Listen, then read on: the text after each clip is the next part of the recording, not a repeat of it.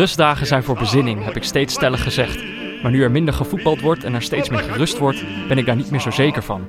Vanochtend stond ik op en toen dacht ik, eigenlijk zou het toch wel leuk zijn, die Belgen, wereldkampioen. Waar komt die mildheid vandaan? Een overdosis rust? Heb ik te veel bezinning gehad om nog helder na te kunnen denken? Of is het juist omgekeerd? En kan ik zo in de luwte van het toernooi de zaken pas zien zoals ze zijn? Ik weet het niet. En erover nadenken maakt me vooralsnog niet wijzer. Het wordt eigenlijk gewoon wel weer tijd dat ze weer gaan voetballen. Анарнийская тачанка, все четыре колеса.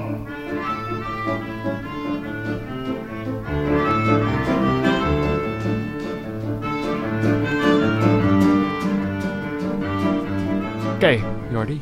Ja, Peter. Weer een rustdag. Weer een rustdag. Ja, dat, dat stapelt zich nu een beetje op, hè? Ja. Zoals je in je intro zei. Ben je niet ook helemaal gek van het rusten inmiddels? Eh, nou, het, meer, het rusten is oké, maar het gebrek aan voetbal is wel vervelend. Ja. Het rusten tussendoor kan eh, op dit moment echt geen kwaad. Nee. Nee, nee, dat merk ik eh, wel aan alles. Maar Ja, zoals gisteren dacht ik echt van, nou, prima eigenlijk dat er vanavond een keer geen potje is. Maar vandaag is het toch wel, begint inderdaad vervelend te worden. Ja, ik heb er gewoon wel weer zin in. Maar eh godzijdank hoeven we het vandaag niet alleen te doen. Nee, We hebben weer een wederom leuke, niet. We hebben weer een leuke gast in de studio zitten. Eh, Victor Ponte. Hallo. Hallo Goeiedag. Victor. goeiedag. Hallo. Wie ben jij eigenlijk?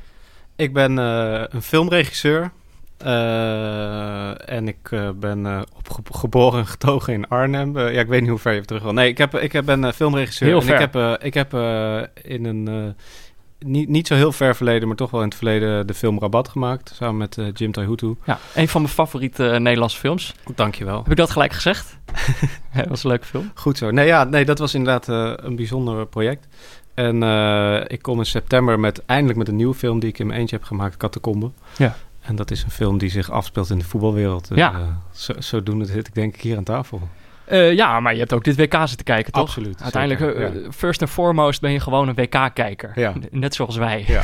Dat is wel een vereiste natuurlijk Ja. deze Ja. zomer Nee, om op bezoek te komen. Ja. Eh, daarover gesproken, ben je echt een eindtoernooienkijker of, of door het seizoen heen ook wel... eh, Nee, ik ben wel een van die kijkers die heeft van de week eh, of, of in deze podcastserie omschreven als een van die mensen die dan af en toe in Champions League wedstrijden iemand ziet bij Paris Saint-Germain en dan tijdens dit WK denkt, hey, ik weet niet, ergens in een, in een Ja. nabeschouwing beschreef iemand zo, dacht ik, hey, hij heeft het over mij. nee, dat ben ik wel. Nee, ik kijk wel, eh, ik kijk wel geregeld voetbal. Ik, ik mer in de in de aanloop naar mijn film ben ik wel veel meer voetbal gaan volgen, maar wel meer via media, zeg maar, dus niet per se echt live. Ja. En het grappige is dat ik sinds ik ben begonnen met het ontwikkelen van Catacombe, ik denk nu een jaar of vijf, vier geleden, eh, zijn er ook vanuit de commercial wereld voetbalprojecten op mijn pad gekomen. Dus ik heb voor Fox Sports bij het vorige WK een hele serie gedaan. Dus toen draaide ik bijvoorbeeld bij, tijdens alle wedstrijden bij mensen thuis om hun emoties te, te ja, dat waren te- die filmpjes met emotie op de Ja. bank, hè? Ja. Maar ik heb ook eh, in de jaren daarna bijvoorbeeld heel veel eh, met wat, wat afgezwaaide grote sterren voor Heineken veel films gemaakt. Rondom de Champions League. En, eh, en zo ben ik wel meer ook een beetje achter de schermen af en toe bij het voetbal gekomen. Drie dagen voor de Champions League vandaag in San Siro rondgelopen en zo, dat soort dingen. Dus dat, dat heeft wij wel eh, eh, op een, op, ook op een andere manier wel naar voetbal eh, doen kijken. En, en ja, een eindtoernooi, ik ben wel wat dat betreft, is een eindtoernooi voor mij wel het, het summum of zo. Het is Ja. een beetje, ja, ik ben een, ik kijk wielrennen tijdens de Tour de France en ik kijk voetbal tijdens de eindtoernooi. Ik, ben- ik, zo één ben ik er. Ja. Maar vind je het dan niet jammer dat Nederland er niet bij is? Een- ik moet zeggen dat ik in aanloop naar dit WK dacht dat het me minder zou doen. En nu het dan toch bezig is, merk ik dat het toch wel ook echt wel jammer is. Wat, En, wat mis eh, je dan? Ja, wat ik vooral mis, en dat is ook als ik nu naar een wedstrijd kijk. Je hebt toch, als je een wedstrijd gaat kijken, heb je ook al ken je die teams dan minder of zo. Heb je soms, je hebt toch wel een favoriet. Bedoel, Denemarken, Zwitserland of zo. Ik denk, ja, ben ik toch voor de Denen of zo. Ja. Maar dan komt Denemarken komt dan achter of niet. En dan word ik toch weer voor de andere partij of zo. En ik merk dat dat is wel een emotie die je niet hebt als Nederland in het toernooi zit. Nee, precies. Dan ben je wel echt onverdeeld voor Nederland. Ja, voor, ja, voor Nederland. En dan zijn de andere wedstrijden ook andere. Daar, daar, dan kijk je maar even hoe de concurrentie het doet of zo, snap je? Of Ja. de mogelijke concurrentie. ja, dat is ook zeker wel gebleken, denk ik, vanuit de start hier. Want we begonnen om elkaar af te vragen, wat gaan we nou doen? Nederland er niet bij, Turkije niet bij. Maar dat, dan dachten wij ook dat je, dat je veel intensiever andere wedstrijden vervolgde. Want anders is het zo'n grote afleiding als je land zeg maar wel meedoet. En dat is wel gebleken, denk ik nu.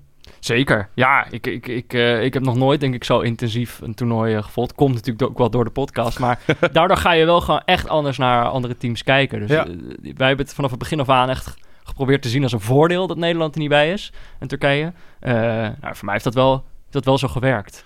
Ja, ook voor mij ook wel. En ik had het bij het vorige EK ook al een beetje of zo. Maar dat is dan net... Ja, dit is dan de tweede eindtoernooi op rij waar je er niet bij bent. Weet Ja. je wel? Dan, begint dan begint het wel een beetje vervelend te worden. Ik heb er nu ook wel... Ja, vol- volgende keer moet het ook wel weer of zo. Anders dan, dan haak je als land... Ook Ja. wel, al- dan verlies je wel echt de aansluiting of zo, weet je wel. Nee, daar ben ik Voor het mijn gevoel. eens. Wat, Ja. is, eh, wat zijn dan... eh, zijn er teams waar jij, eh, waar jij door verrast bent? Waardoor je dacht... eh hey, hier, hier wordt mijn leegte een beetje gevuld. Eh, nou ja, ik ben sowieso... Er zit een, een, een, een eh, kwart Frans in mij, Fransman in mij. Dus die, eh, die kwam wel aan zijn trekken. Ik moet wel zeggen dat ik die, eigenlijk de poolfase van Frankrijk op de een of andere manier steeds een beetje heb gemist of zo. Nou, daar heb je ook niet heel veel gemist. Nee, precies. Dus ik zag ook de hele tijd die uitzag dat ik, nou, ik kom wel in de, in de volgende rondes of zo, dat ik dan weer aanhaak. En, eh, maar ja, ja, toch wel België of zo. Dat is toch wel, ik ben daar Ja? wel heel, heel content mee. Ik weet dat jullie eh, dat wat minder hebben, maar eh, nee, ik, ik, ja, en voor mij is echt de wedstrijd België-Japan is voor mij gewoon, ja, dat was een soort voetbal wat je bijna niet meer ziet of zo. Een soort lief voetbal of zo. Ja, Een soort nou, en zeker op dit WK hebben we dat niet zo heel veel Nee. gezien. En, en, en waar het ook echt ging om het voetbal, had ik het gevoel. Daar stond, eh, stond de eer van een land eh, op het spel, maar wel op een, op, een, op een hele eervolle manier of zo. Zoals je dat dan, ja, daar een soort plaatje bij hebt bij een, niet zo'n vechtwedstrijd, weet je wel. En Ja. Dat, dat, eh, dat is ook leuk op een bepaalde manier, maar daar moet je er ook niet te veel van hebben. En op een gegeven moment werd het wel heel veel, eh, vond ik ook wel zo. Ja, ja, betonvoetbal werd het genoemd. Ja. Ja, Nee, ja, ja, dat was gewoon ni- niet leuk om te kijken. Maar ik denk wel, als je zeg maar in dit, eh, met, over een aantal jaar terug gaat kijken, dan heb je vanuit het positieve perspectief België, Japan. Maar uit het wat vechterige, negatievere, Rusland, Kroatië was wel echt een WK-wedstrijd in die zin. Ja, Dus niet zozeer dat het alleen maar ging van, nou, ze willen echt niet voetballen. Ze wilden wel voetballen, ja. maar het werd niet meer dan vechten. ja, echt zo'n totale uitputtingsslag. Ja, waar gewoon ja. spelers één voor één omvallen. En eh, Dat vind ik dan wel weer interessant. Vanuit dramatisch perspectief is dat interessant Ja. natuurlijk. En, ik, maar, en ik, ik, bij die wedstrijd had ik ook... Toen voelde ik me ook een beetje zoals die... In zo'n... Jij zei net, ja, ik ben wel weer toe aan een wedstrijdje voetbal of zo. ja. Maar ik merk ook, juist omdat het zoveel teams zijn... En die, ik, ik had het gevoel, die groepsfases komen nooit ten einde of zo, weet je wel. Dat, weer drie wedstrijden zo. Ja. Het begint dan al om vier uur. En, eh, d- en ik, ik merkte dat ik bij die wedstrijd van Rusland-Kroatië... dat ik wel ook wel een soort... Dat was voor mij als kijker ook begon het een beetje een uitputtingsslag te worden. Dat ik Ja. bijna zo bij hing. ja, wij hebben ook vrijwel alles zitten kijken. Dus ik weet, eh, ik weet wat Ja, je maar het, was toch wel een, het is toch een soort van gekke manier. Want inderdaad begin je nu langzamerhand van... Ja, zo leuk is het niet met zoveel, met zoveel rustdagen ertussendoor. Zo weinig wedstrijden. Ja. Terwijl je leefde die groepfase echt van... Wow, daar gaan we weer. Maar hoe dichter het bij het einde kwam...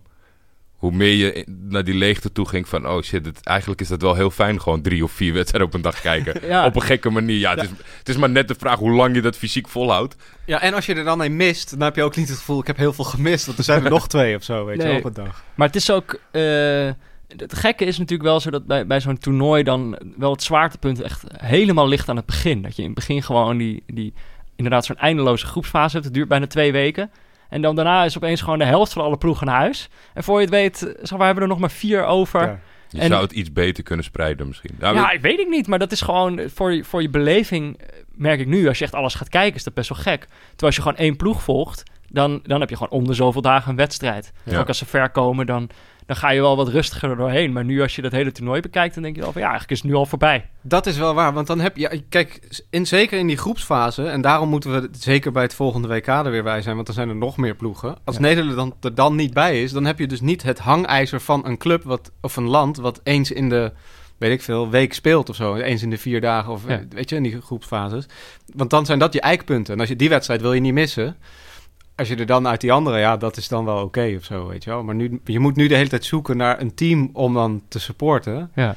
En als dat er dan niet is, ja, je bent ook een beetje stuurloos of zo. Misschien zou een oplossing zijn eh, een, een kleiner eh, aantal landen, maar dan de achtste finale gewoon weer een groepsfase. Maar dan gewoon, de Ja, achtste landen zijn weer groepsfase. de- deze, deze optie hebben we alweer eens... eh, oh nee, deze optie hebben we niet voorbij horen komen. Er waren inderdaad al mensen aan het nadenken van ja, hoe kunnen we nou niet gewoon al die rustdagen nog helemaal vol proppen met voetbal?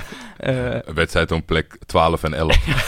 Terwijl ik weet ook echt niet of ik dat, dat hoef aan te zien. Maar eh, nou ja, het is, het is zoals het is. We hebben gewoon nog maar vier wedstrijden over. Ja. Ehm, maar als ik er goed begrijp, je hebt niet naast Frankrijk niet echt een favoriete ploeg. Is er niet echt een ploeg waarvan je... Wij hadden echt Peru, eh, waren we echt voor aan het juichen. Nee, ja, ik, ben- ja, Marokko sowieso natuurlijk ook. Ik Ja. bedoel, dat is bu- buitengewoon eh, in de letterlijke zin van het woord dat die erbij zijn. En, en hoe ook. En dat daar zoveel jongens uit Nederland dan ook bij zitten. Dus ja, dat is wel iets waar je...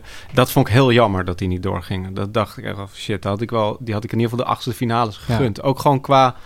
Ja, gewoon qua spirit in dat team of zo en de vechtlust. En dat wil je. Je wil teams zien die vechtlust hebben. En daarom ben ik ook blij dat Rusland eruit is. Want dat waren toch een soort fysiologische robotten die over dat veld aan... Ik bedoel, ik zag net weer een, een, een statistiek langskomen ja, ja, ja. van de, de vijf eh, meest eh, spelers in het toernooi die de meeste afstand hebben gelopen zijn uit Rusland. Ja, daar klopt Ja. natuurlijk helemaal niks Maar van. een, een van die vijf was Sergei Ignashevich. Dus Die dat, is, die is 43. Ja, 38. Die is opgepoetst eh, Dat uit, de, uit, uit zijn interlandbreak. Ja. Of die had, was gestopt eigenlijk. Ja, en dat hij dan erbij zit. ja. Maar ik bedoel, wij zitten altijd grapjes ik- te maken over doping. En dan zegt Jordi steeds tegen mij zo van... Ja, maar dat weet je toch niet zeker? Nee, dat zijn Nee. grapjes. Nee, maar iedereen die die film Icarus heeft gezeten, Ja. die weet dat dat geen... Ja. Dat er, weet je wel, ik, Ja. kan, ik vertrouw de Rusland sowieso niet meer binnen elk sport.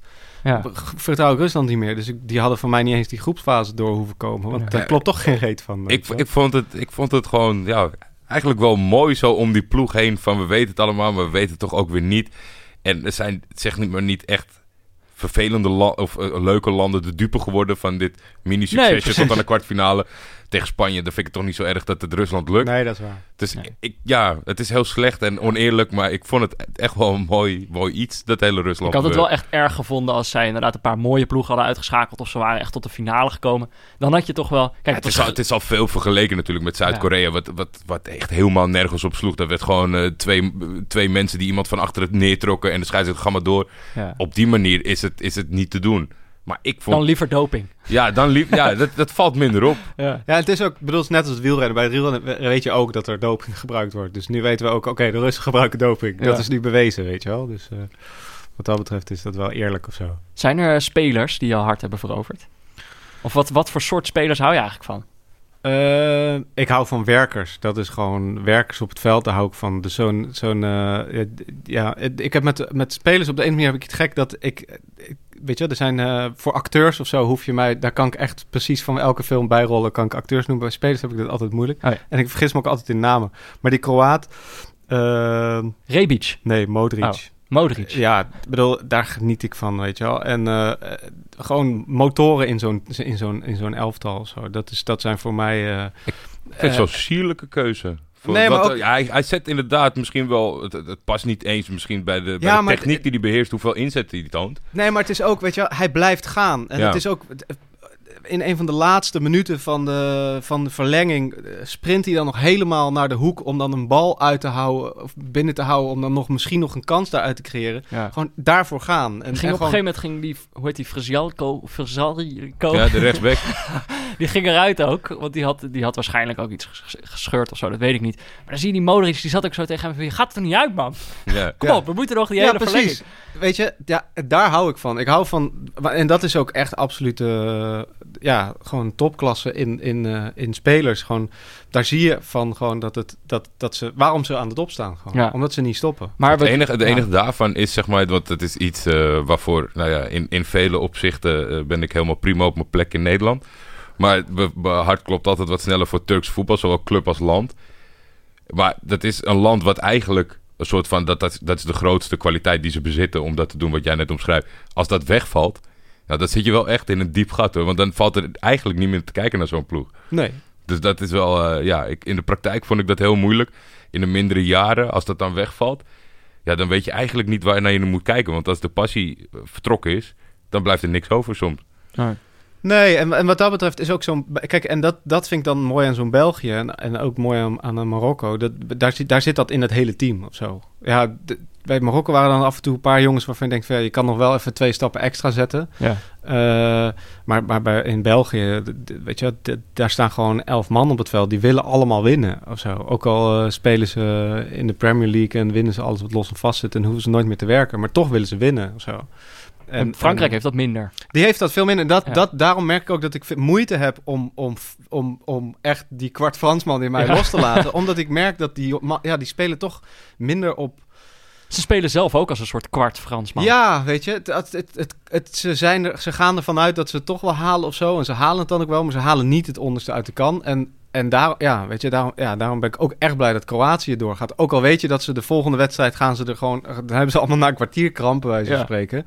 Maar het is in ieder geval een team waarvan ik wil geloven dat ze het einde willen halen of Ja, zo. ja En, dat is eh, belangrijk. Maar Engeland, eh, kan Engeland dan niet jouw, eh, jouw, jouw goedkeuring wegdragen?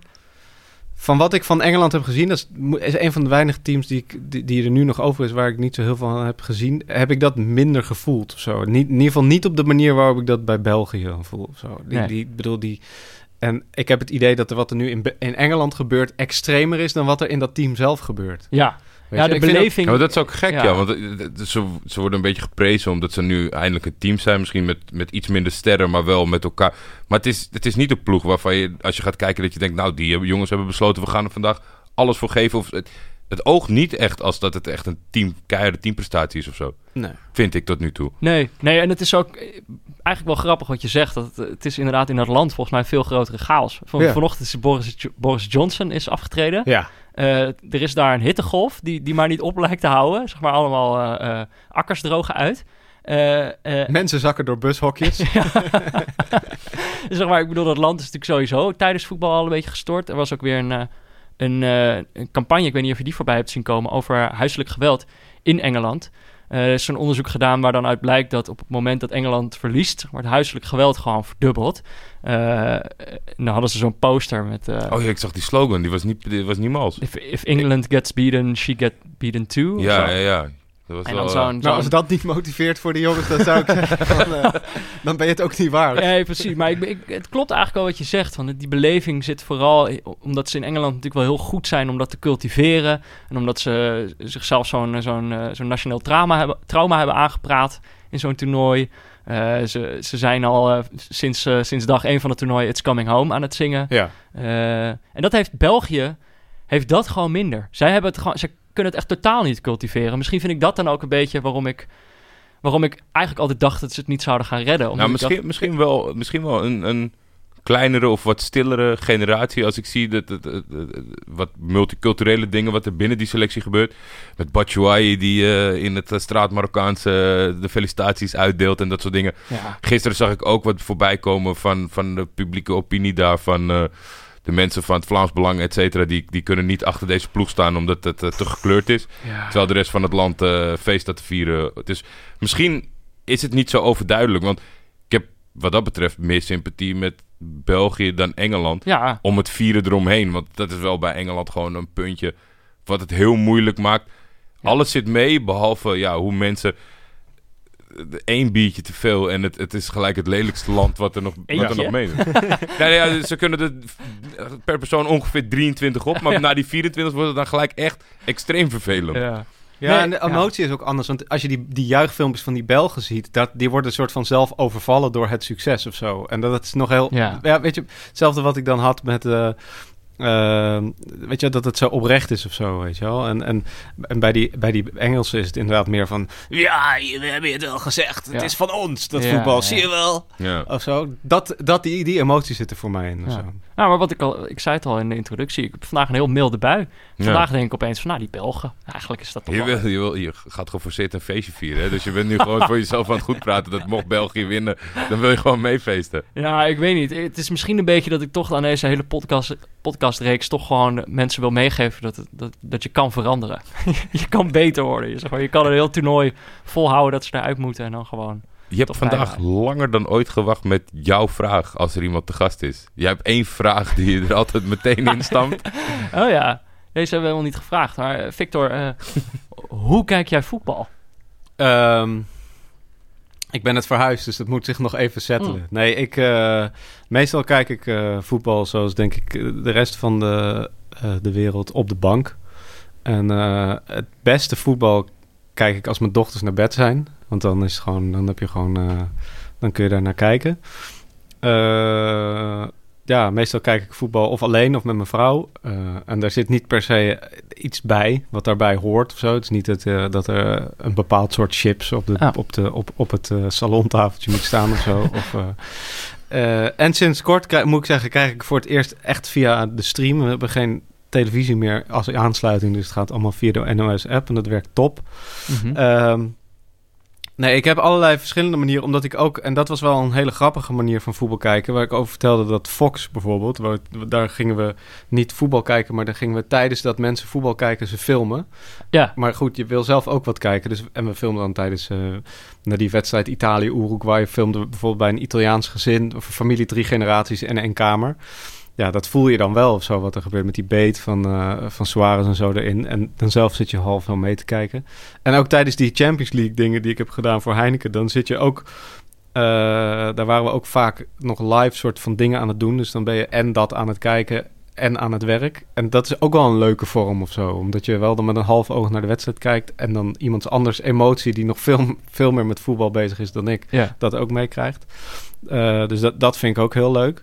Zeg maar een soort half professioneel voetbal Ja. kijken. Eh, maar het, het liefst eh, eh, gewoon vanaf moment één gewoon er zitten en ook niks anders. ja.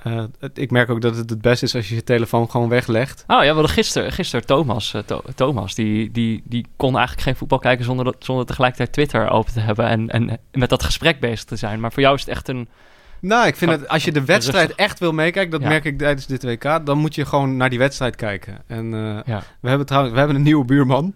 Eh, Uh. omdat we zijn verhuisd, dus we hebben een... eh, Jullie zijn eigenlijk de nieuwe buurman. Ja, wij zijn eigenlijk de nieuwe buren, ja. Ja. Nee, we hebben een, een Duitse buurman van eh, dik in de tachtig. Oh. Die hadden we uitgenodigd om de laatste eh, achtste finale te komen kijken. Dus België-Brazilië... Nee, dat is niet trouwens de laatste. Maar België-Brazilië hebben we vrijdagavond met hem zitten kijken. Ja. En, eh, en dat was ook eh, wel een bijzondere ervaring... om met iemand gewoon uit een hele andere generatie naar die wedstrijd te Was hij niet zuur dat eh, Duitsland... Hij was behoorlijk zuur. Oh. Ja. ja, hij was behoorlijk zuur. Eh, maar hij was wel heel blij dat Brazilië eruit werd eh, gewerkt Ja. door België. Ja, dat kan Als hij veel te klagen over het moderne voetbal. Ik, ik merk, ik ben 31, dus valt wel mee. Maar ik, ik zei ik al een beetje dat mijn toptijd eind jaren 90, begin Dat 2000, meen je niet. dat voetbal leuker was qua entertainment gehalte. Maar dan denk ik als een 80-jarige naast me zit, dat ik denk nou, ik, ik kan er wat van, maar eh, Hij had wel veel moeite met de vele, het, het, het, het huilen ja. op het veld. En, maar goed, daar heeft denk ik iedereen last van. Gewoon dat je denkt van ja, Ja, dat is gewoon, ik bedoel... En dat moet ik wel zeggen, dat vond ik, dat vond ik knap aan Neymar. Want ik had wel echt het idee dat hij in die laatste wedstrijd eraan werkte om dat niet te doen. Er was zelfs Ja. één moment waar hij... eh, nou ja, sowieso waren er heel veel momenten waar hij had kunnen gaan huilen. Er was één heel specifiek moment waar hij zich volgens mij zelf betrapte op het feit dat hij ging huilen.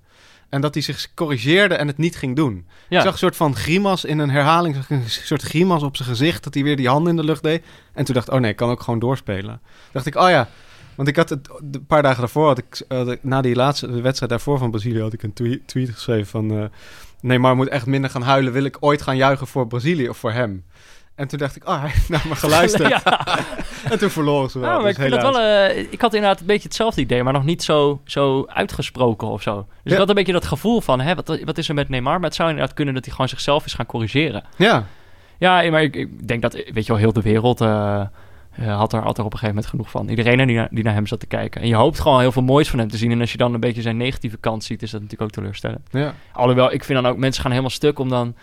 Dat de kinderen op trainingen, dat dan een trainer roept, hey, Neymar, en dan gaan ze vallen. Ik, ik vind dat dus gewoon helemaal niet grappig. Nee, de, de eh, omgekeerde privéjet niet. Van Neymar wordt opgehaald. nee, Nee, oké. nee, nee, ik vind dat dan toch een beetje, een beetje flauw. Jij zit niet in, eh, in voetbal WhatsApp groepen. Nee. of, eh, nee, ik- het is, eh, je hebt het daar zwaar als dat niet je humor is. Eh, even kijken, we moeten nog even, zullen we even wat rectificaties doen? Hebben we die? Ja, we hebben er eentje. Ja, sorry hoor. Jij, gisteren ging jij iets rectificeren. Over ja, dat was Maguire. helemaal niet nodig, hè? Zo, toen ging ik jou live zitten verbeteren, terwijl ik helemaal niet snapte wat, wat zeg maar de verbetering was. Ik, zo. ik weet, ik ben nu alleen helemaal, ik ben het helemaal kwijt. ja, ik ook niet. Ja, Het is in ieder geval een foto van een aantal jaar geleden.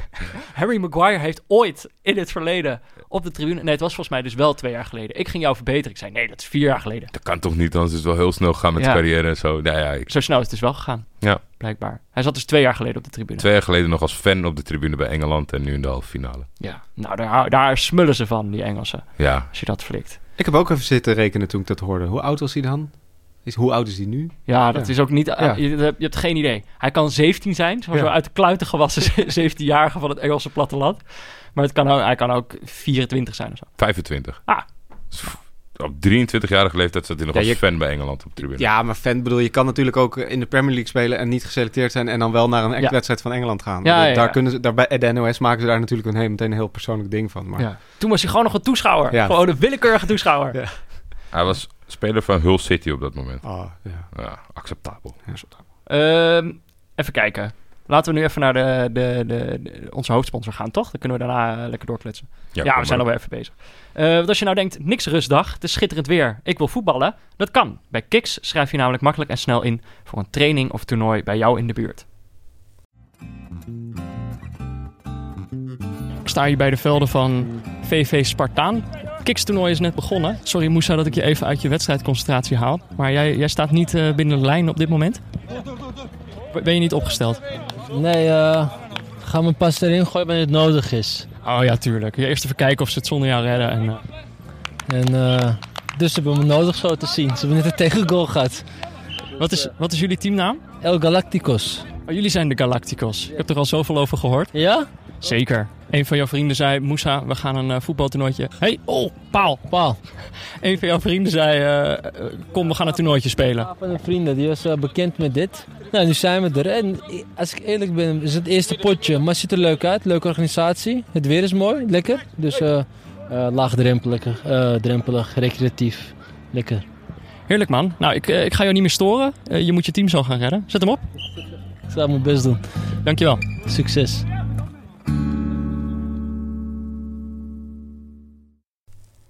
Kijk op kiksvoetbal.nl slash neutrale kijkers voor meer informatie. En probeer het. Gratis uit.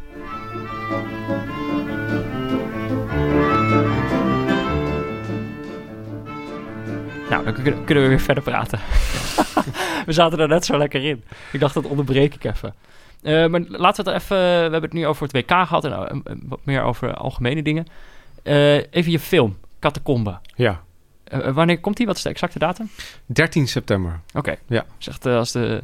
Ik had het toch goed gisteren. Hoef ik niet te rectificeren. Want ik ging op een gegeven moment twijfelen aan mezelf. Ik, ik zat qua boogje Nooit wel doen. goed, maar ik dacht 13 of 18. Maar Als, als we 13 één ding hebben geleerd, jij moet niet meer aan jezelf twijfelen. Nee, nee, nee, inderdaad. Zodra je me aan ik, twijfelen ik brengt... Eh, Oké, 13 september, dus lekker na de zomer. Ja. Eh, en, eh, ja, st- stomme vraag stellen. Maar even kort, eh, waar gaat het over? Eh, de film gaat over eh, de voetballer Jermaine Slachter. Eh, in de nadagen van zijn carrière. Die eh, ja, zowel in het veld als buiten het veld eigenlijk tegen zichzelf aanloopt. eh, en, en tegen heug vecht om, om, niet, om uit de klauwen te blijven van een matchfixer. En dat, dat is in de basis het, het, de- het uitgangspunt van de film. Een match, matchfixing. Ja, matchfixing. Is een beetje, maar het is dus niet de, de, de, het, het echte grote geld. Nee, zeker niet. Ik heb ook eh, de eerste. wat, wat mij ook aantrok in, in, eh, in, in het idee van deze film was om juist een film te maken over een voetballer. Ja, een beetje in de kelder van het betaalde voetbal.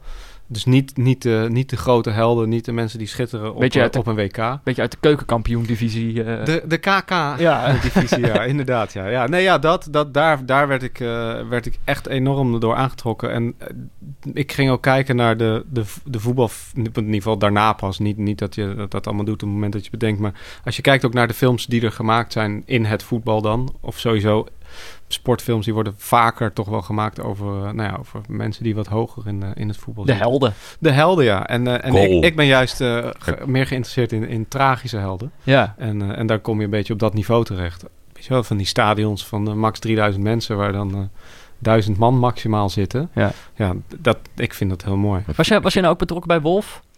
Ja, als, als eh, creatief producent. Ah, ja. Dus ik heb me bij Wolf met name bezig gehouden... met alle marketing dingen. Die, die trui die, eh die Jordi af en toe aan heeft. daar, eh, daar kan ik onder andere mijn Oh, ja. handtekening onder zetten. Nou ja, maar dat, dat ging ook over... over dat dat kom, schiet me nu te binnen, maar dat ging ook over een bokser... die zowel binnen als buiten de ring nog Ja. wel wat uit te vechten had. Ja, Ja, maar dat was wel echt een thriller over de cri- de crimi- een criminele organisatie, zeg maar. En dit is wel echt een film over een sportman die, die, die eigenlijk eh, vecht tegen zijn eigen, eh, ja, op een bepaalde vlak falen dan, zeg maar. En hoe je daarmee omgaat als mens. Ja. Ik heb ooit gevraagd aan één iemand om een foto te maken voor FC Afkikken. Dat was in die trui. Dus inmiddels lijkt het door alle aankondigingsdingen en dingen online... dat ik één trui bezit in mijn leven. En dat is die wolftrui.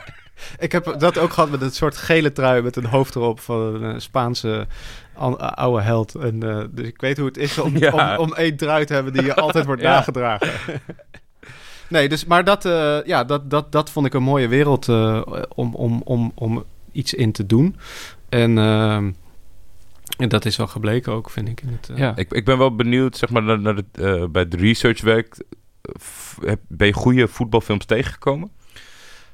Ehm, nee, eigenlijk niet. Eh, mijn, mijn eikpunt binnen deze film op sportniveau, ook hoe die club was neergezet, was, was, was, en is eigenlijk altijd geweest eh, ehm, Moneyball. Ja. Een film met Brad Pitt over de O- Oakland A's. En eh, wat ook gaat over eigenlijk een club die er dan onderaan bungelt. Eh, en ik vind ook zeg maar, de, de catacomben van die film, om het zo maar even te zeggen, de, de gangen en weet je wel, de, de, de kleedkamers en de trainerskamers en zo. Dat vind ik in die film ook zo fantastisch mooi neergezet. Dat, ja, daar werd ik wel heel erg door geïnspireerd van, hé, zo wil ik het doen.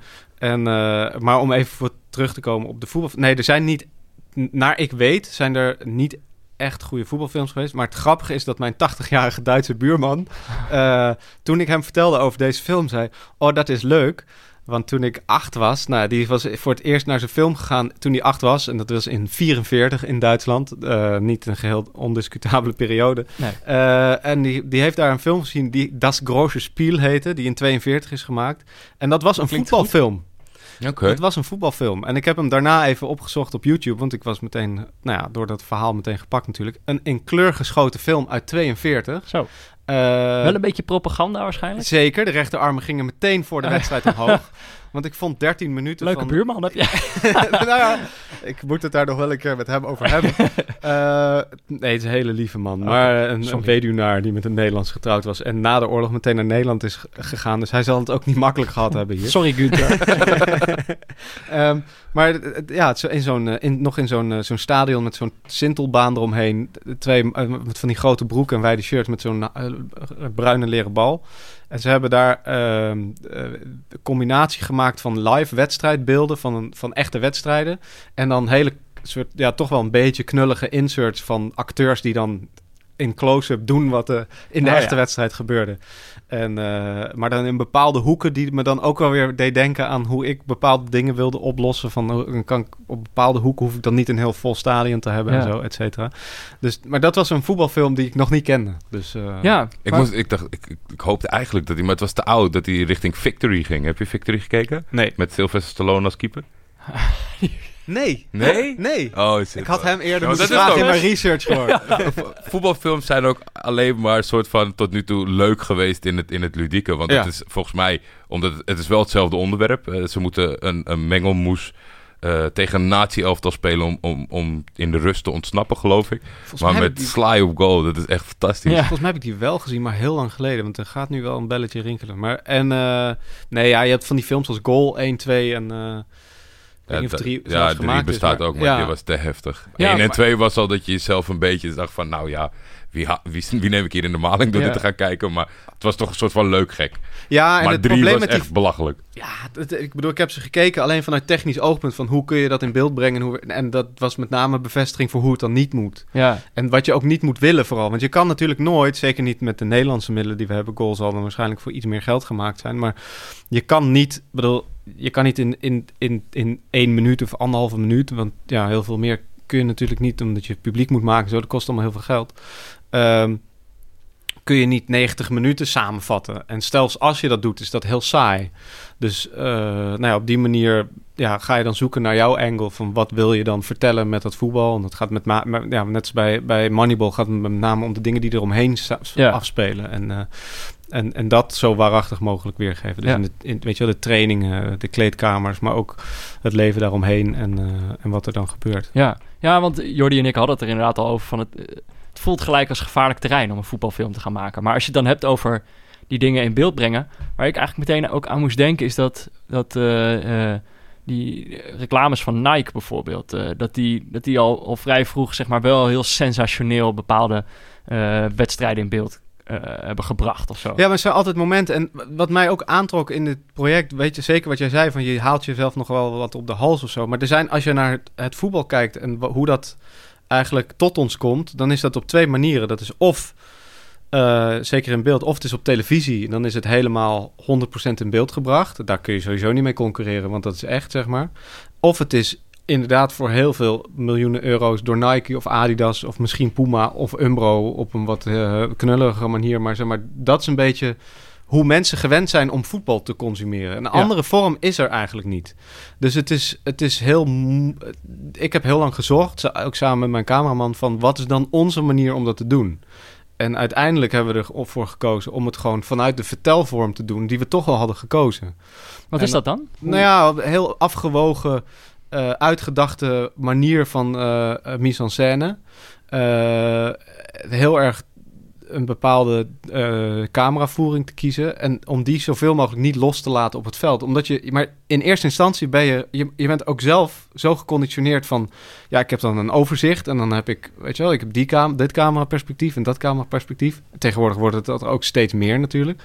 En dat heb ik gewoon helemaal uit mijn hoofd moeten zetten. Ik heb op een gegeven moment heb ik wedstrijden bezocht.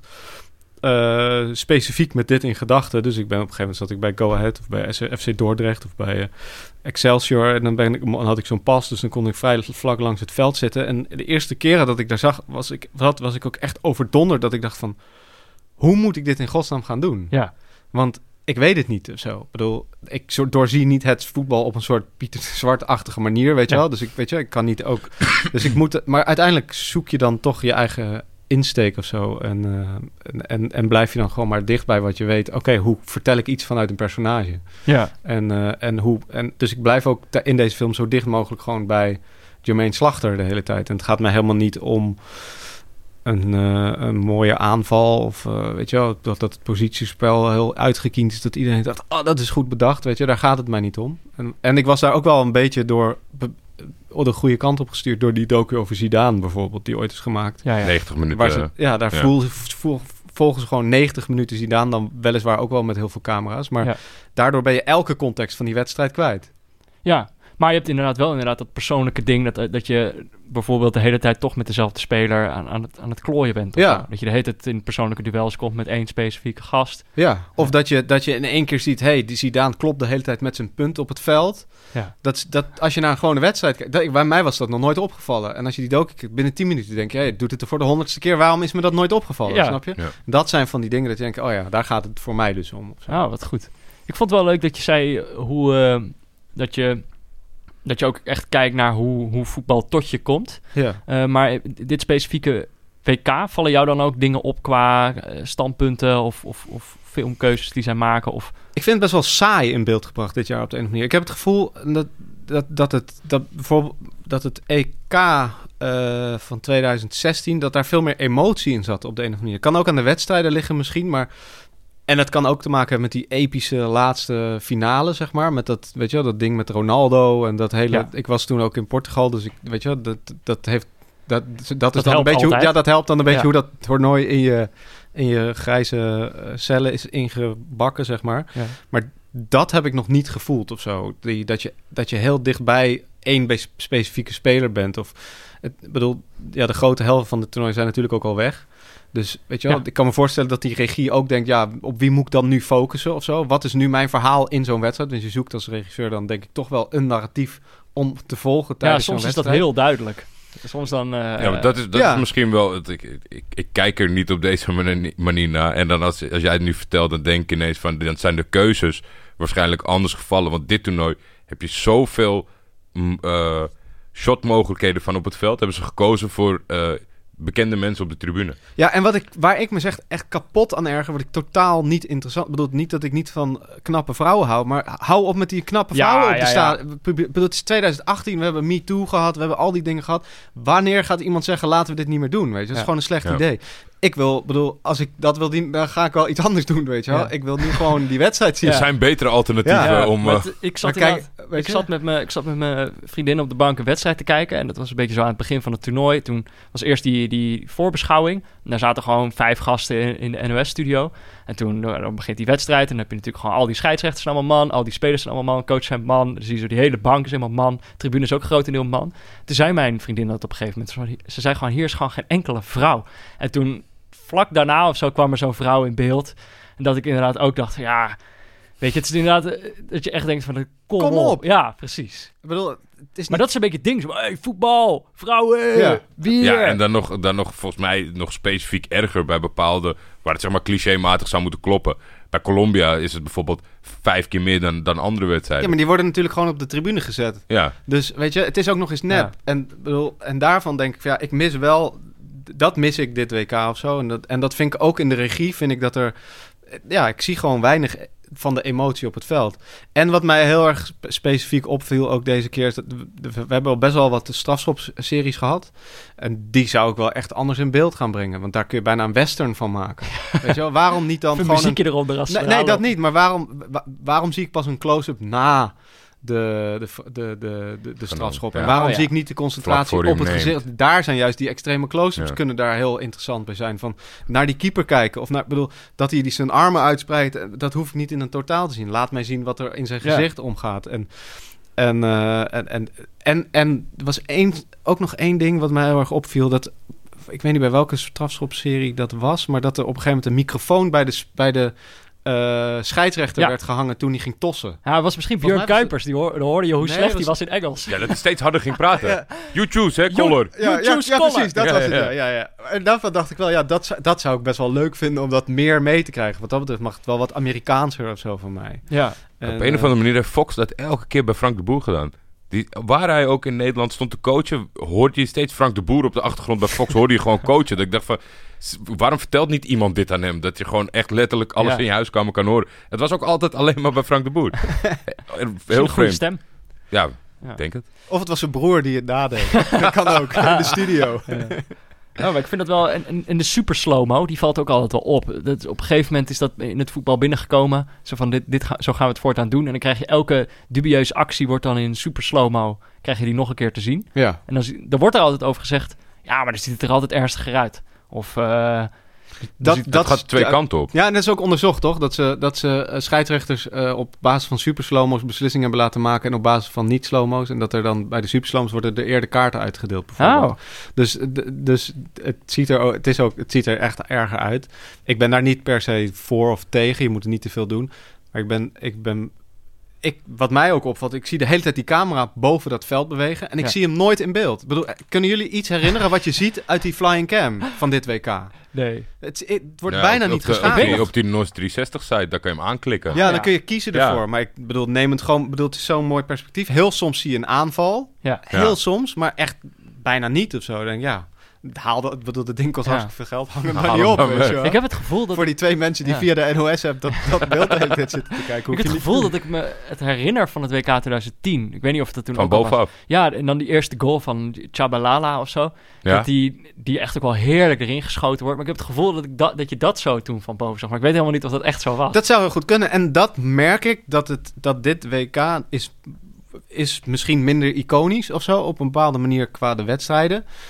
Maar het is ook minder iconisch in beeld ja. gebracht, denk En dat ik. kan ook een verschil maken waarschijnlijk. Ja. Ja. Als je meer Heel emotie veel, ziet. denk ik. Ja. Maar is... ehm, Terwijl je toch zou denken, de Russen die hebben nogal in de, in de, in de filmgeschiedenis nogal wat dingen bedacht, weet je wel. Bepaalde edit-techniek en zo. Nou, daar zullen ze vast, vast een goede opzetten of zo. Ja. Maar- Maar, maar is dat dan zo omdat het in Rusland is dat, het, eh, dat de regie in Russische handen is? Wat dat, weet ik betreft, dus want niet. volgens mij eh, FIFA en UEFA die boeken ook eh, gewoon internationaal, zeg maar, rondom Europese wedstrijden. Ja, denk Veel Nederlandse ploegen ook. Ik denk het wel. Ja, ik weet niet, dat, dat weet ik niet. Maar dat zou, Ja. zou- ik kan me niet voorstellen dat dat land, het gastland dan... Dat zij het ooit- toelaten. ooit is dat zeg maar het laatste waar we ons aan vast kunnen houden. Dat we dan kunnen zeggen, deze wedstrijd heeft een Nederlandse regisseur. er, yes, yes, yes. Ja, dat, dat, dat we zelfs geen scheidsrechter of grensrechter meer kunnen Ja. leveren, maar alleen regie. Maar het is misschien ook een beetje zo dat ze ehm, eh, bij het, bij, bij het eh, tonen van die wedstrijden echt wel een keuze maken van... dit is de journalistieke verslaglegging van zo'n wedstrijd. En dat ze dat proberen te scheiden van, van een soort artistieke weergave. Want soms zie je na, de, na zo'n nabespreking komt dan nog een soort montage. Die vind ik vaak eh, wel mooi. Er zit dan muziek onder. Heb je toevallig die gezien van de strafschoppenreeks van de BBC? Eh, Die was echt Ja, ik denk het wel, ja. Ja. Maar, maar ik bedoel, dat soort dingen... eh, dat vind ik dan wel schitterend. Ja, maar daar wordt wel zeg maar een soort van in één keer een moment naar voren en naar teruggespoeld en weer heen. Weet je, dat is wel Ja, heel veel creativiteit. dat kan Ja, tijdens een wedstrijd Dat is niet. moeilijk, maar Ja. het toont wel aan dat je een stuk meer kan met hetgeen wat er op het veld gebeurt dan dat we te zien krijgen. Ja, absoluut. Ja. Dat vind ik wel. En, eh, en dat, dat, ja, dat valt me dit WK echt, echt heel specifiek op. Ja, absoluut. Leuk. Maar wel voordat jij vraagt, we hadden het net over voetbalfilms en dingen. En ik, ik wil dan wel even voor de luisteraars die het misschien niet gekeken hebben. Mijn beste voetbalfilm tot aan 13 september is When Saturday Comes. Moet ik die even kijken nog? 1996 met Sean Bean. Het gekke is dat hij, ik zie nu dat hij... Hij eh, sterft altijd in films. Gemaakt, gemaakt door een vrouw. Dat is ook wel, eh, ook wel leuk. Dat de beste voetbalfilm in mijn optie. Maar dat gaat eigenlijk veel meer om, om zijn leven. Ik heb laatst voor het eerst een, een voetbalroman gelezen. Want meestal voetbal is altijd ja, die, die saaie biografieën. Welke had je gelezen? Eh, dat was van een Italiaan. Kom ik morgen op terug, Ja. want het was een afwijkende titel. Het was ja, voor het eerst. voor het, e- ik vond dat juist wel leuk. En dat is deze film ook, zeg maar. Het gaat meer om, om het personage dan om het voetbal aan zich. En daar zit best wel wat ruimte in. eh. dat wordt niet veel gedaan. Want volgens mij ja, staat het ook niet zo hoog aangeschreven dat je dan een mooi boek gaat schrijven met voetbal als hoofdrol. Nee, maar het, het, het, was voor, ook al voordat ik aan Catacombe begon, eh, vond ik het wel altijd jammer dat het niet gebeurde. Want ik denk dat er, en dat ergens is dat ook, als je kijkt naar de, de impact van het voetbal in het leven van mensen wereldwijd, dat is gewoon enorm. En dat daar zo weinig kunst of popcultuur of wat dan ook over wordt gemaakt, ja, dat is eigenlijk vind ik dat heel gek gewoon. Als je bedoel, de Tweede Wereldoorlog duurde maar vijf jaar, weet je wel. Daar maken we al 60 jaar films over. En niet om de Tweede Wereldoorlog nu kleiner te maken, maar het voetbal het heeft op dagelijks niveau invloed op het Ja. leven van mensen. En niet zo groot als de Tweede Wereldoorlog op heel veel mensen dat heeft gehad. Maar terwijl dat ik denk van ja, het, het is iets wat in de samenleving heel belangrijk is. Daar zouden we best wel wat meer over kunnen maken. Ja. En Maar het is Eh, misschien ook al op zichzelf al een soort cultuurproduct, toch?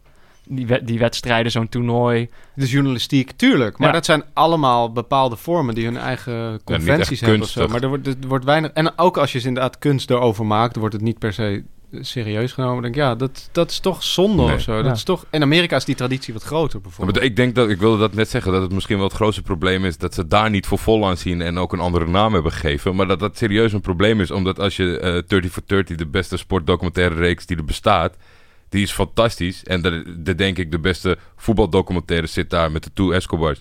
Maar de Amerikanen geven geen fuck. En dat zijn toch wel de beste sportverhalenvertellers, denk ik. Ja, absoluut. dus dat maar zou wel kunnen helpen. Want als zij het dan tien keer goed doen, dan worden, misschien, eh, worden we hier aan de andere kant van de oceaan geïnspireerd om het ook wat meer te doen. Of te accepteren. Ja, en ik heb, mijn, ik heb mijn hoop ook wel een beetje bijvoorbeeld op Netflix gevestigd... zonder eh, dat als een grap te bedoelen. Maar ik bedoel, die moeten wereldwijd content maken. En voetbal is gewoon een verhaal wat overal ter wereld verkoopt. Dus als je daar iets goeds over maakt... Ja, dan kunnen zij dat overal wegzetten, weet je wel. Moeten ze wel wat beters gaan maken dan een PR-campagne om Karim Benzema in het eh, nationale elftal te krijgen. Holy shit, dat was een Wat slechte een joke. Ik heb hem gênant. na 10 Ja, minuten afgezet. Documentaire is, is ook niet eens het woord. Maar die docu over Juventus was toch ook eh Ja, ontzettend maar saai? dat, ik vind dat, dat moet je weten als kijker. Zeg maar. Juventus nodigt je uit, Ja, dus die ja, gaat ja. jou, jouw Juventus, of hun Juventus laten zien. Ja. Liverpool heeft hetzelfde gedaan, toen met Amazon geloof ik. Ja. En dat is best wel geinig. Als jij echt voor Liverpool bent, wil je dat gewoon zien. Rodgers die alle, alles laat zien. En, maar je weet, moet ook wel thuis weten dat niet alles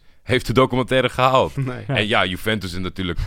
Dat, Dat- dopinglab is toch eventjes... Nee, maar eh, dat, dat, dat, is, dat is eigenlijk de grap dat Juventus dan zegt... Ja, kom het maar bij ons doen. Maar Ja. dan gaan wij wel even laten zien waar je moet lopen. This is where the magic happens. Ja, Ja, nee, maar wat er ook vaak gebeurt bij eh, sportfilms en eh, verhalen erover, dat toch al gauw bij de, bij de clichés terechtkomt. Dus dat je toch al gauw bij de, de winnaars komt of bij de unlikely winnaars. Dus de mensen die, eh, die zich hebben opgewerkt. Toch een beetje de Harry Maguires, weet je wel. Dat, Ja. dat zijn de verhalen waar we, waar we van smullen. Ja. Eh, maar de Jermaine Slachters, misschien niet altijd. Nee, niet. Maar bijvoorbeeld, ik bedoel, ik, heb dat, ik zit niet diep in dat verhaal, maar het verhaal van Vardy bijvoorbeeld. Dat is, Ja. dat is natuurlijk een fascinerend verhaal waar je best een, een, een docu over of een film over zou kunnen maken, denk ik. Maar ook, ehm, ik heb ook een keer een verhaal gehoord van een meisje wat in Engeland heel lang dakloos is geweest. En wat nu in het nationale elftal van, van, van El- Engeland speelt. In het vrouwenvoetbal al heel lang. Een hele belangrijke rol. Ja, dat zijn, gewoon, dat zijn toch interessante verhalen of zo. Ja. Of een verhaal van een, een jongen die uit de banlieue komt eh, van Parijs. Heel heftig. En die, die al zijn hele leven zaalvoetbal speelt in het nationale elftal. En ook nog eens in zijn buurt daarmee ding doet. Ja, volgens mij zitten daar allerlei aanhaakmogelijkheden om iets interessants mee te maken. Wat niet per se eh, over eh, de winner takes all Nee, maar, gaat. dat, Nee, maar, nee, maar dat is precies wel wat, wat volgens mij eh, grotendeels het probleem is. Want wat jij zegt, dat gebeurde precies met Vardy.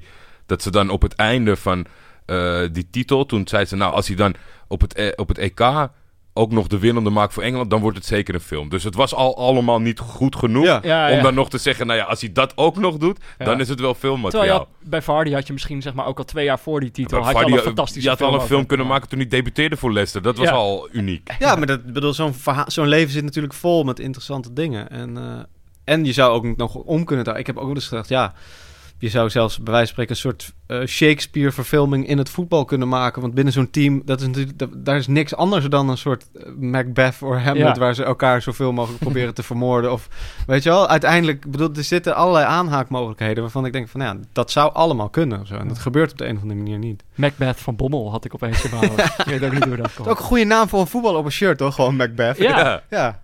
Nou, dat is een fantastisch idee. ja. Als je wil dat we dit eruit knippen, zodat niet iemand anders er weer vandoor gaat, dan... Ja, eh, of juist laten zitten. Ja, dat oh ik ja. altijd kan zeggen, toen heb ik het al gezegd, zie je wel. bij deze Leg nu wel vast, inderdaad. Bij deze geclaimd. Eh, maar zijn er, zijn er verder nog sp- spelers op dit WK waarvan je dan denkt dat de...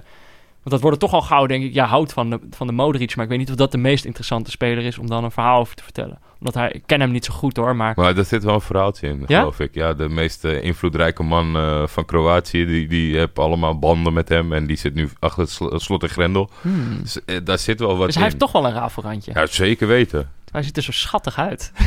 Ja, vind je wel? Modric? Ja. Ja, tuurlijk. Ja, ik voel me niet echt geïntimideerd door hem. Ja, wel door hoe goed hij kan voetballen. Maar ik bedoel, ik- hij is toch schattig? Toch heel voor zo'n goede voetballer is hij best wel schattig. ik denk als je iedereen die je naast Vida neerzet, wordt ineens eh, heel, heel erg om te knuffelen. Ja. Nee, ja. pff, ehm, ik vind Ziyech altijd een fascinerend mens. En eh, dat is wel iemand waarvan ik denk van ja...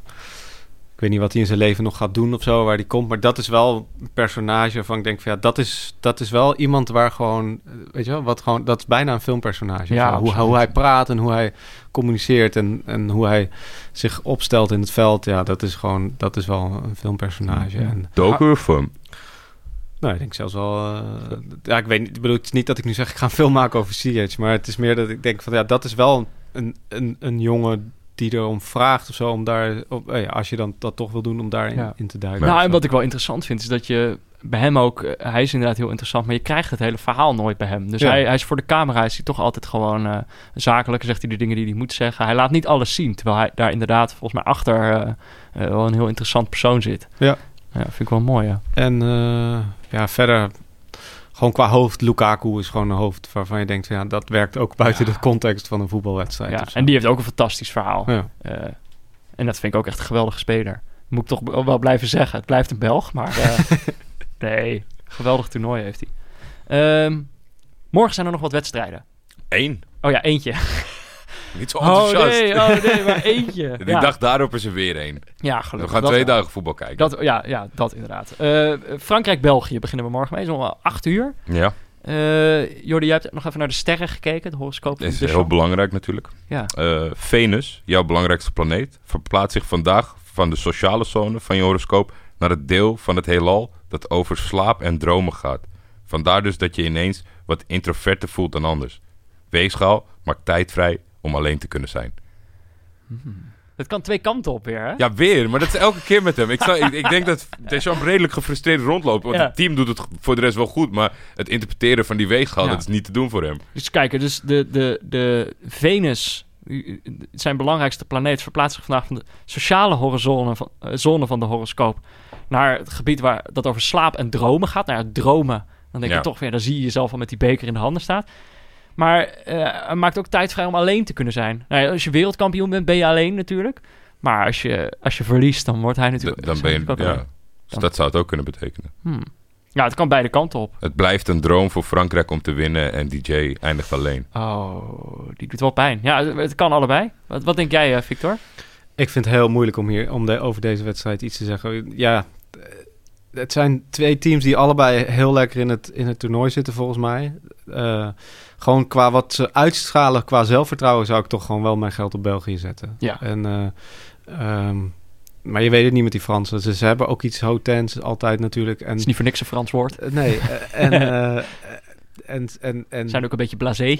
moet, ik moet wel zeggen trouwens dat het voor mij een stuk minder interessant is. Want ik had gehoopt dat Payet mee zou gaan. Want ik vind dat zo'n fantastische voetballer. Ja. Daar kijk ik echt zo graag naar. En dat die er niet bij is, vind ik jammer. Ik moet, eh, Griezmann is wel iets minder arrogant. Dit toernooi voor mijn gevoel is wat meer een teamplayer geworden, geloof ik. ja, eigenlijk saai. Ja, vind ik. Dus, dus dat, dat vind ik wel jammer. En eh, dus ja, ik denk toch dat ik voor België eh, Ja. ga stemmen. Ja, voorop, voorop zou de sympathie ook wel bij de Belgen moeten liggen. Aangezien eh, die al eh, een paar keer eh, flink gas hebben moeten geven. En dat ook goed hebben gedaan. En, en bij de Fransen toch wat minder. Alleen, ja, wij als neutrale kijkers. het, het kan dat als, als Frankrijk ineens uit de startblokken schiet. en die maken er een heroïsche wedstrijd van. Ja, dan.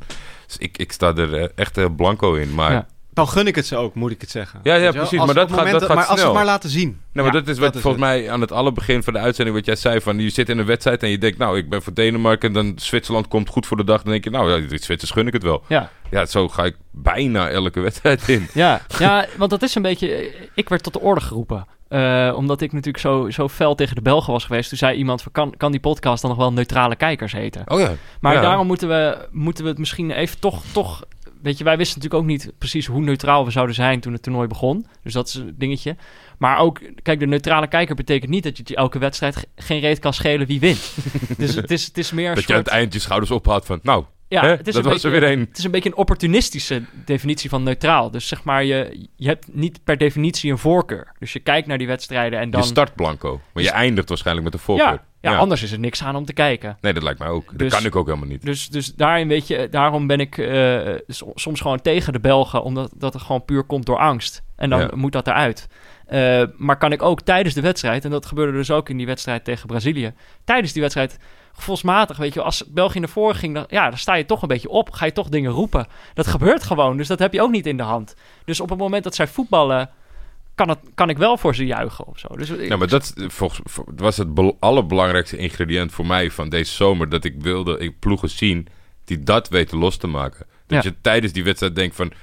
Ik heb helemaal niks met België, maar dat je gaat juichen voor België in die wedstrijd. Of mee gaat hopen of balen. En dat is een, maar een, toch maar heel weinig landen gelukt. Maar ik ben wel blij dat die paar niet gelukt is. Maar hebben jullie ook wel eens gehad dan dat je voor, het, eh, voor één team juichte in het begin van de wedstrijd en dat het dan het andere team gelijk, dat je dan ook juichte? nou, wij heb zijn je dat niet meegemaakt?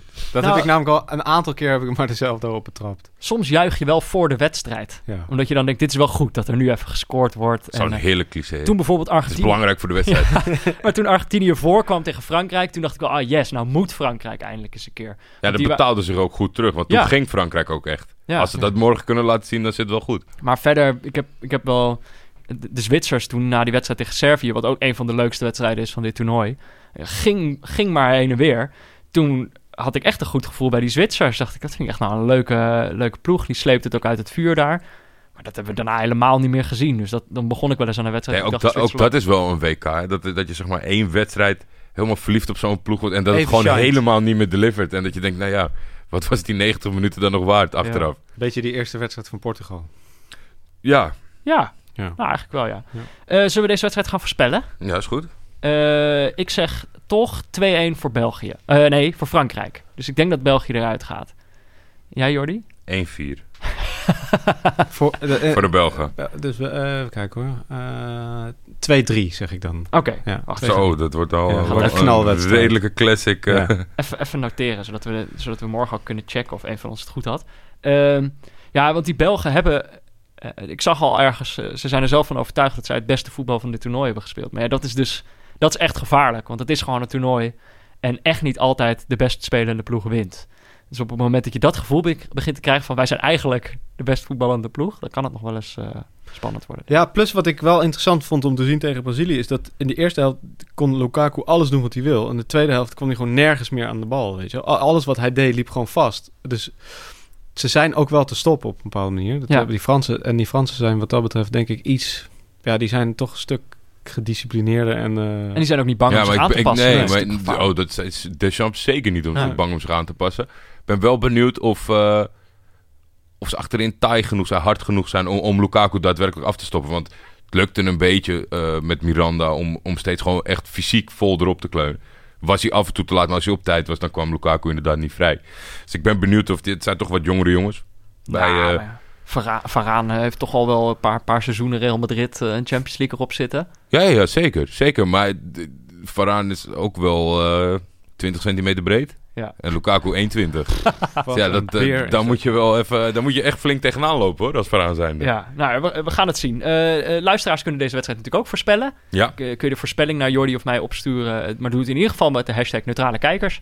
En natuurlijk een variabele naar keuze. En op basis daarvan kiezen we uiteindelijk een winnaar uit. Mocht er een winnaar zijn. En die wint dan het boek van Pieter Zwart, De Val van Oranje. En hoe ze weer kunnen herreizen.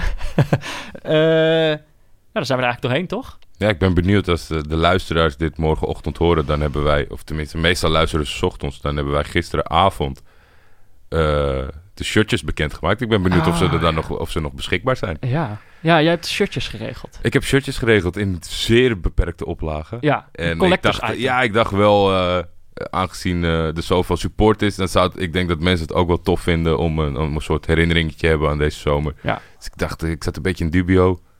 Het is eh, met zo'n kleine oplage namelijk niet zo heel, eh, Ja. niet zo heel eh, goedkoop. Maar een mooi, mooi collectors item, een Ja. neutrale kijkers shirt. Ja, echt. Het, ons logo natuurlijk van Barry Pirifano erop. Ja. En, eh Mag ik daar één, eh één eh, Barca shirt bij gooien? en Barca shirt Ja. bijgooien.